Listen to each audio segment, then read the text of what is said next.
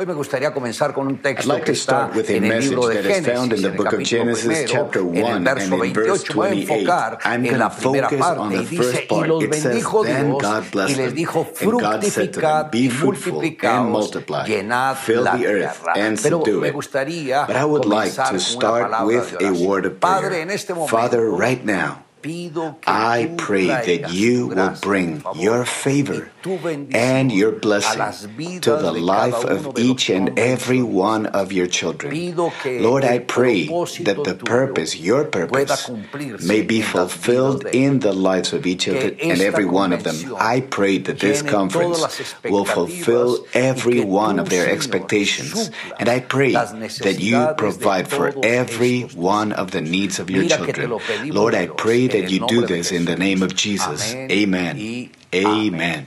I'd like to share a message called The Power of Multiplication. It is interesting that the Lord Himself, the first thing that He said to the first couple was, Be fruitful and multiply now, the part about being fruitful and multiplying, it is subsequent to having a personal encounter with Jesus. I believe that Christian life in itself becomes a great life when you've had a personal encounter with Jesus. In my case, I came to know the Lord when I was 18 years old, and it was as a result of a philosophy professor who was an atheist and every one of his classes, he always spoke with the Bible in his hand, and he would always say, This book, not only have I read it, but I have studied it. And he was attacking everything sacred about the Bible the deity of Christ, the virginity of Mary, the mystery of Trinity, but also the veracity of the Bible.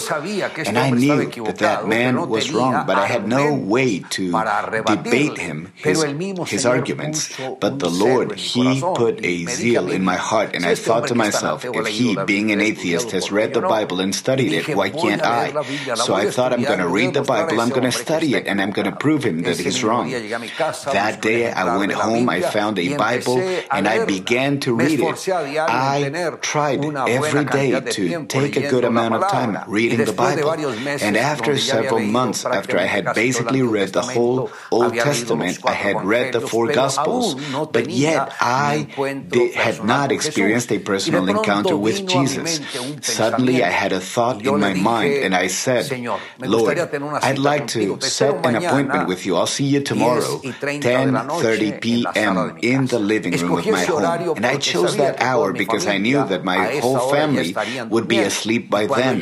So when I got home, that night, I kept the lights off, I kept everything off, and I sat in my favorite couch, and I prayed a short prayer. I said, Lord Jesus, I don't know you, I don't know who you are, but if you are the God of the Bible, I want you to do something. Change me, but let it be now.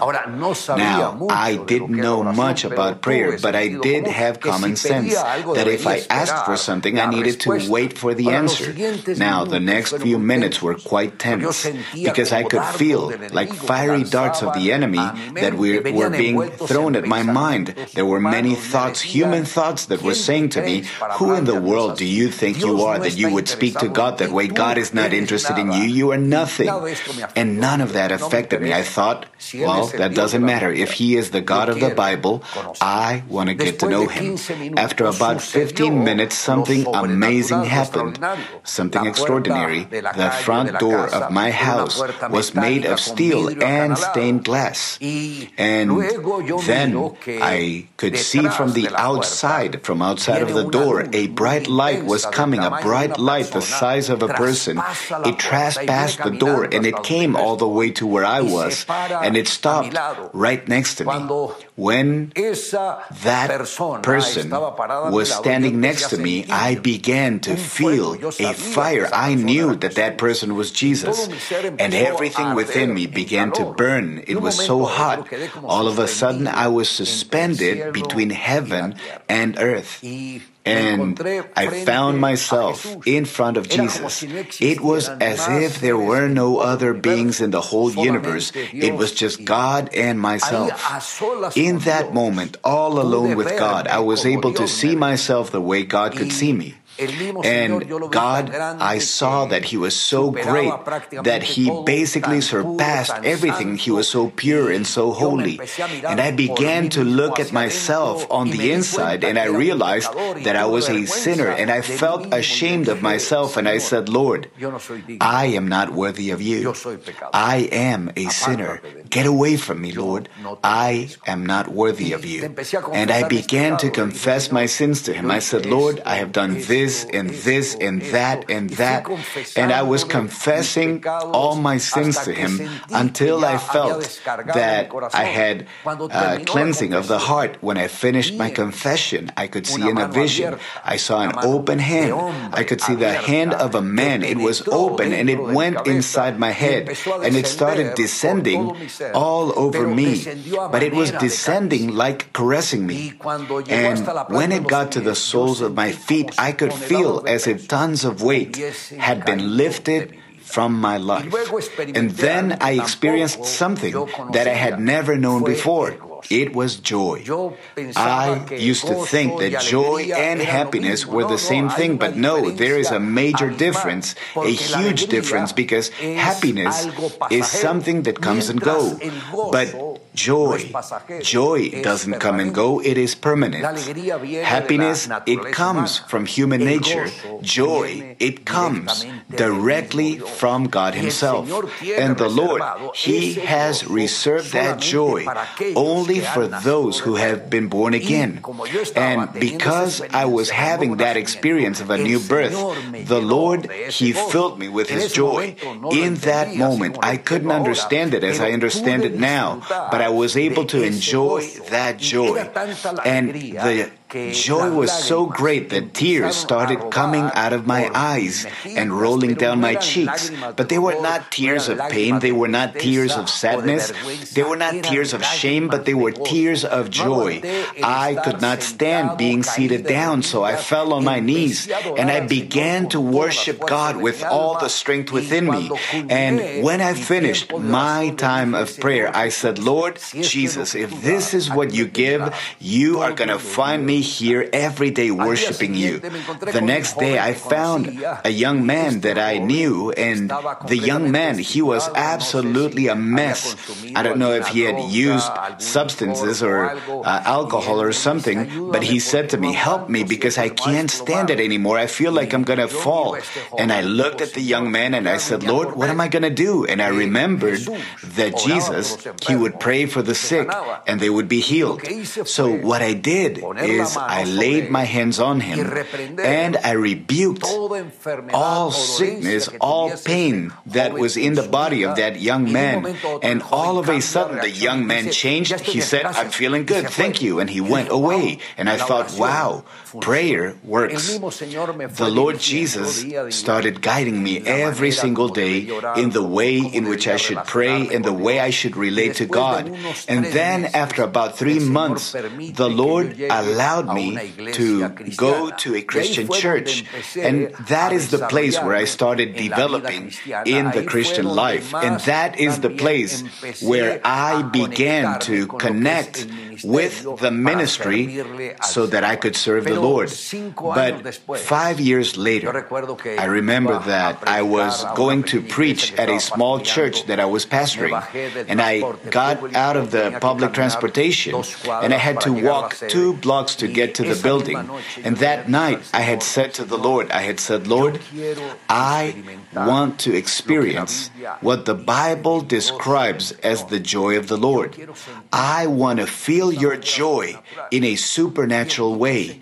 And the Lord, He gave me the answer. And from the moment that I was on the public bus, I started feeling joy. It was just supernatural. It was flowing from within me. When I came off the bus, I was walking, but I was singing and I was praising God with all the strength of my being. And the Bible, it was within a folder, and I was so happy, but all of a sudden, everything changed. I felt that someone was walking behind me, but I paid no attention. All of a sudden, I saw the hand, the left hand of the man who was behind me. Turns out that he pushed me up against his body and I was holding my Bible in my right hand, and then the man, he had a knife and started cutting through my fingers where I was holding the Bible. And from the index finger, he cut the tendon, and from the next finger, he cut the artery. And then I turned around, and the man, he stabbed me, and he stabbed me right in the chest and it scraped the heart. And the blood clotted and it went around the valve of the heart and it produced a heart attack. And as a result of it, I was medically dead for three, 30 minutes. When he stabbed me, the only thing he could take from me was the Bible. He went running in one direction. I went running in the opposite direction. And as I was running, as I was running, it was like a block. I had a vision while I was running. I could see the sum of my life, everything that I had done and the things that I hadn't done for God, and I didn't want to die. My daughter Johanna was only three weeks old. My wife, a young, beautiful woman, and I thought to myself, to die and leave my wife as a widow for someone else to look at her. Lord, don't allow that to happen. I can't die.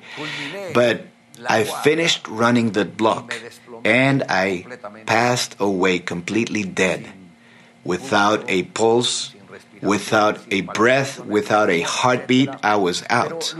But the interesting thing was that when my body hit the ground, my spirit did not hit the ground. I remained standing. And I began going up. And as I'm going up, I realized that I was not on my own. And I could see the angels. And my thought was that when you die, uh, you know, perhaps God would send one or two angels to get you, and one of them would take you by one hand and the other from the other hand and take you up. But you know, that wasn't the case. I was able to see thousands upon thousands of angels. They were making a tunnel where basically it was one of the angels very much attached to the shoulder of the other angel, and in that order, they were in a circle. Every one of them were in white, every one of them had long hair, and every one of them were singing a song of worship to God.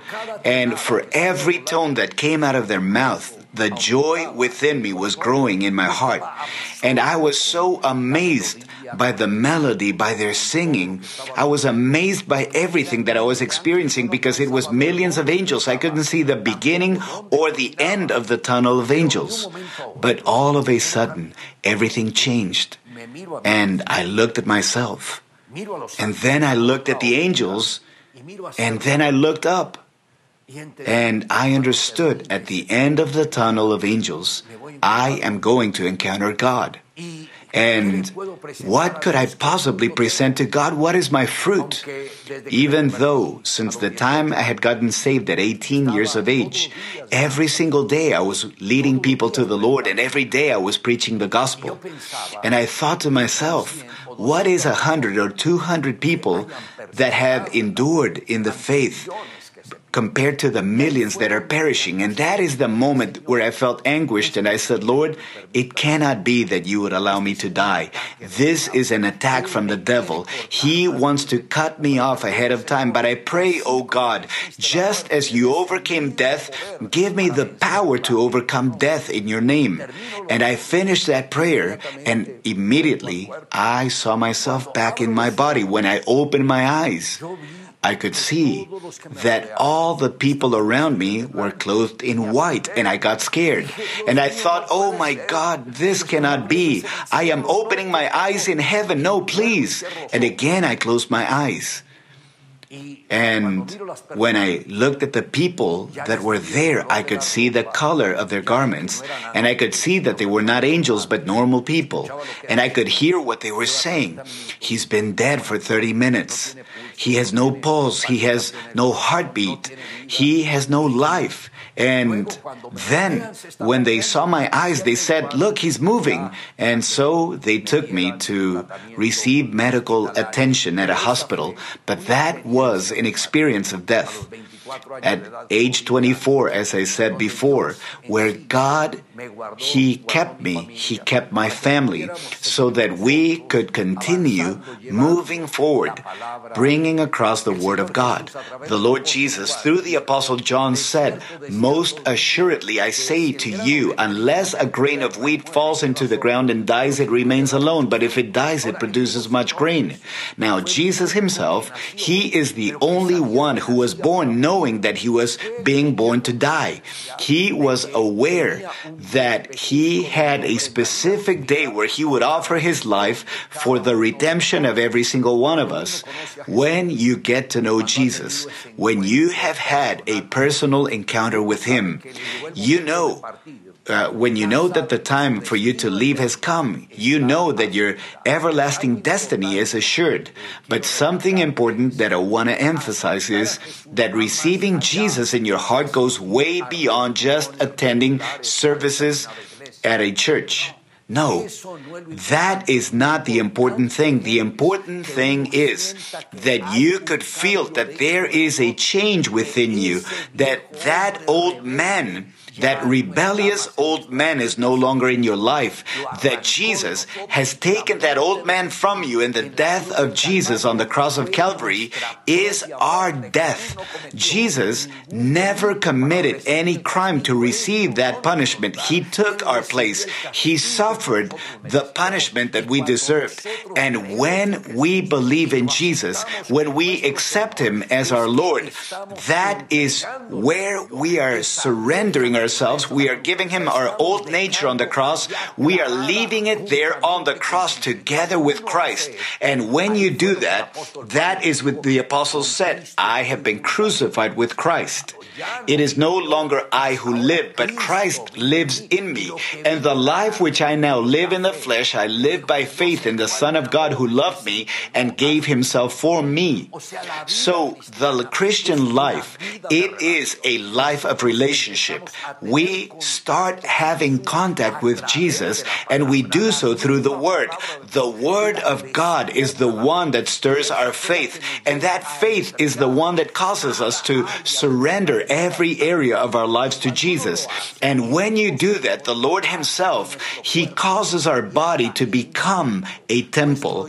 Our ego is crucified along with Christ on the cross, but the Spirit of God, it comes and it dwells in a temple. You and I, we are the temple of the Holy Spirit, and the Holy Spirit, He comes in to take control of our lives. And that is what is known as the new birth. And that is why Paul said, if you come to look for the old Paul, you're not going to find him here. That Paul is dead. But if you're going to find Jesus, you may find him here because Jesus, by the Holy Spirit, is the one who is now living in me. So when you have a personal encounter with Jesus, you are born again. You are born to a supernatural experience and you are able to relate directly with God. That is why the Lord Jesus Christ said, unless a grain of wheat falls into the ground and dies, it remains alone. But if it dies, it produces much fruit. The life of Jesus bore great fruit. He produced abundant fruit. But also, if we die to ourselves, we are going to bear much fruit, fruit in abundance, and we will glorify the name of our Lord Jesus Christ. When you read the Bible, you realize that he who wrote the most letters was the, Apostle Paul. But when you start looking at the context of the apostle, he was not an apostle, but he was a persecutor of Christians. He used to hate the work of the cross. He used to torture Christians. And he even received letters that gave him authorization to incarcerate and torture Christians. And he was quite successful in Jerusalem, and that is why he also persecuted them in other cities. But when he was on his way to Damascus with great anger to try to destroy Christians, that is when he experienced a personal encounter with Jesus. And the Lord, he appeared to him and he knocked him off his horse. And he said, Saul, Saul, why are you persecuting me? And he was so scared. He said, Who are you, Lord? And he said, I am Jesus whom you are persecuting. It is a hard thing to kick against the gods. And then he said, the apostle said, before he was the apostle, he said, Lord, what do you want me to do? And the Lord replied, Go to Damascus, go to a street called Straight, and there you will stay until you receive new orders. So the apostle was completely blinded, and he stayed at the place that the Lord had told him for three days.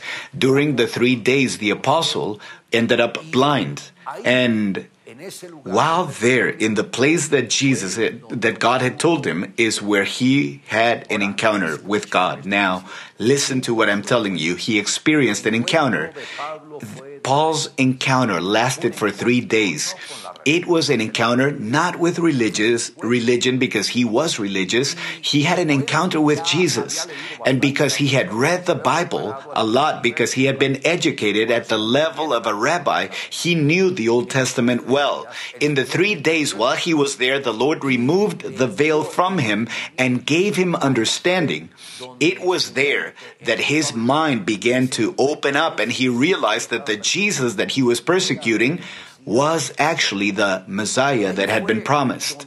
And that is when he understood what we know as the steps for an encounter. And there are five objectives, five steps. The first one is the assurance of salvation. And a person has the assurance of salvation when they have an encounter not with religion, but a personal encounter with Jesus. And generally speaking, at an encounter, there is an experience, a supernatural experience or a very special experience where people are stirred to have faith, the Christian faith, where one knows that if you have to leave this world, you are ready to encounter the Lord Jesus Christ. It is not something like one day you are a Christian and the next day you are a sinner and, you know, living that kind of life. One day you're good, another day you're bad, one day you're holy, the next day you're a sinner. No. When you experience a personal encounter with Jesus, there is an absolute change of life. Remember, my encounter with Jesus I had never been to a Christian church. I had never heard the name of a pastor. But my personal encounter with Jesus that night, it gave me that new birth. And the only thing I knew was the Catholic Church. But it's not that I was attending a Catholic church. What I did daily after I got saved is I would go for a walk for two hours just having a conversation with Jesus. I never bow to any idols because I know that God is spirit and those who worship him must do it in spirit and in truth. So I kept my relationship with the Lord until the Lord, he led me to a Christian church. Now, in the case of the apostle Paul, the Lord led him to a retreat. and that retreat, that encounter, he began to go through all the scriptures that were in his mind and he realized that the only one who gives salvation is Jesus. And so he received the assurance of salvation. And that is why in our three day retreats or encounters, we make sure that people will experience a personal encounter with Jesus. Because if someone has an encounter with Christ, they will never be the same again. Now, the second thing experienced at an encounter is inner healing. People that have been wounded in their emotions, people that have been mistreated, perhaps since the time they were in their mother's womb, or at the time of their birth, or after they were born. You know, a lot of times the people that, that wound and affect people the most are the closest to you or those that say that love you the most. But when you experience an encounter with Jesus, the Lord brings healing to all the wounds of your heart. The third thing experienced at an encounter is deliverance. The majority of people because of the fact that they are raised in a society that is isolated from God. It's there that they open doors that, to things that are out of order, to sins of a high caliber, where they fall into the occult or to spiritism, to worshiping idols, to serving demons, and so on. But you know, it's not like a little doctrinal mistake, but it's demons that actually come in to take ownership of that life to control them. That's why the third thing experienced at an encounter is deliverance. It is at the encounters where demonic powers cannot resist the presence of Jesus in people's lives, and that's why they flee from people's lives completely leaving them free. The fourth thing that the Apostle Paul experienced at the encounter is that he received the fullness of the Holy Spirit.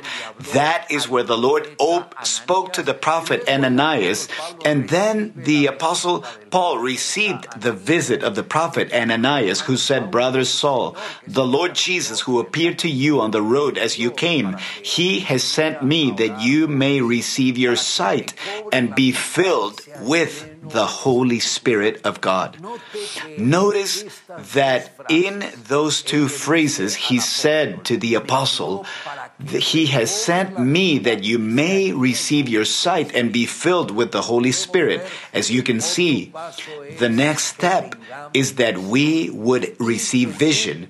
And the last step is that you may enjoy everlasting life by faith in Jesus Christ. So notice the five objectives or the five steps of an encounter.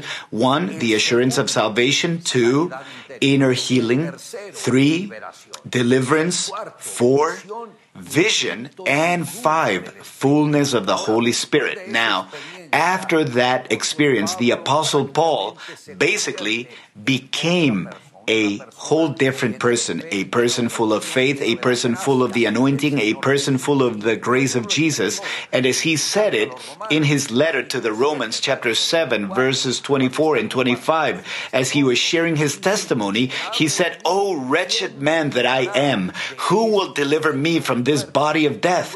And then he said, I thank God through Jesus Christ our Lord. And in Romans chapter 8 and verse 1, the apostle said, There is therefore now no condemnation to those who are in Christ Jesus, who do not walk according to the flesh, but according to the Spirit. Notice that first, he was saying that he was a wretched man, that he was not deserving of salvation, and, you know, he could not find a solution for his life, but then he understood the redeeming work of God, and that is why he said, There is therefore now no condemnation to those who are in Christ Jesus. Notice that he was speaking about enduring in Christ, remaining in Christ, those who do not walk according to the flesh, people who leave their sins behind, but now they live according to the Holy Spirit. In other words, the Lord at the encounter completely changed the life of the apostle, and therefore he became one of the most powerful messengers that you could find in the New Testament and throughout history. Now, the prophet Isaiah, who was one of the prophets that had the vision of redemption in a supernatural way, like very few people have ever experienced it, he said, Or shall the prey be taken from the mighty, or the captives of the righteous be delivered? But thus says the Lord, even the captives of the mighty shall be taken away, and the prey of the terrible be delivered. For I will contend with him who contends with you, and I will save your children. That is found in Isaiah 49, verses 24 and 25 in the book of the prophet Isaiah. It is amazing the questions that the Lord asked his people. Shall the prey be taken from the mighty or the captives of the righteous be delivered? Notice that in the answer, the order is not the same as in the beginning. But the Lord Himself, He brought clarity. He said, Surely the captives of the righteous will be delivered, and the prey be taken from the mighty the enemy, he had enslaved humanity. Remember, when Adam sinned, he was a victim of the enemy's deceit. Adam bit the bait and he fell into the trap. And as a result of the fall of man, the enemy, he raised a prison to keep men captive and all of his descendants. But at the same time, he was able to snatch away all the belongings that God had given Adam, and the enemy became, he became as someone who took something that didn't belong to him. When the Lord asked the questions, he was presenting the condition that we found ourselves in. We were imprisoned by the enemy. We were under financial oppression that he had submitted us to.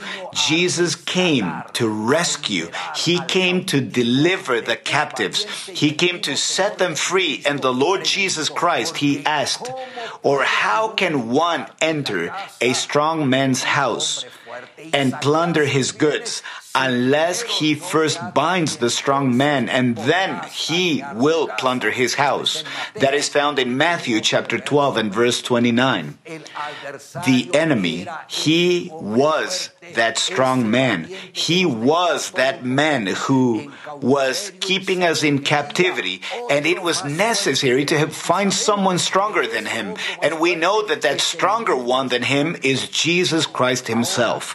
Now, how was it that Jesus rescued us? The enemy, he established a tax in order to deliver humanity, and that tax was at the price of blood. Remember that in Hebrews chapter 9 and verse 22 it says, And according to the law, almost all things are purified with blood, and without the shedding of blood, there is no remission. So the blood of Jesus became that which bound the strong man. The death of Jesus Christ on the cross was the greatest defeat that the, the that God brought upon the enemy. Not only did he overcome the enemy, but he also overcame every demonic power that was working for him. In the same way, he took control of the spoils, everything that Adam had lost, everything that the enemy had taken away from him. Jesus recovered it by his triumph on the cross of Calvary, and he has made those blessings available to us. In the book of Matthew, chapter 28, verses 18 through 20, the scripture says, And Jesus came and spoke to them, saying, All authority has been given to me in heaven and on earth. Go therefore and make disciples of all the nations, baptizing them in the name of the Father and of the Son and of the Holy Spirit, teaching them to observe all things that I have commanded you. And lo, I am with you always, even to the end of the age. And the Lord Jesus, before he ascended to heaven, he said, But you shall receive power when the Holy Spirit comes upon you, and you shall be my witnesses in Jerusalem, in all of Judea, in Samaria, and to the ends of the earth. As you can see, now the work of the cross, Jesus made it available to each and every one of us. He has paid the highest price. Now, what we need to do is we need to understand everything that the Lord has already conquered for our, our lives. And we need to turn our eyes back to Jesus. We need to open our heart to Him. We need to surrender our lives completely to Him. And we need to start living according to His Word. Remember, I came to know the Lord when I was 18 years old. I had a supernatural experience with Him. Ever since then, the Lord has been walking with me and I have been walking with Him. I have gone through struggles. I have gone through tests and trials. Yes, I have been dead four times. I have been on the other side.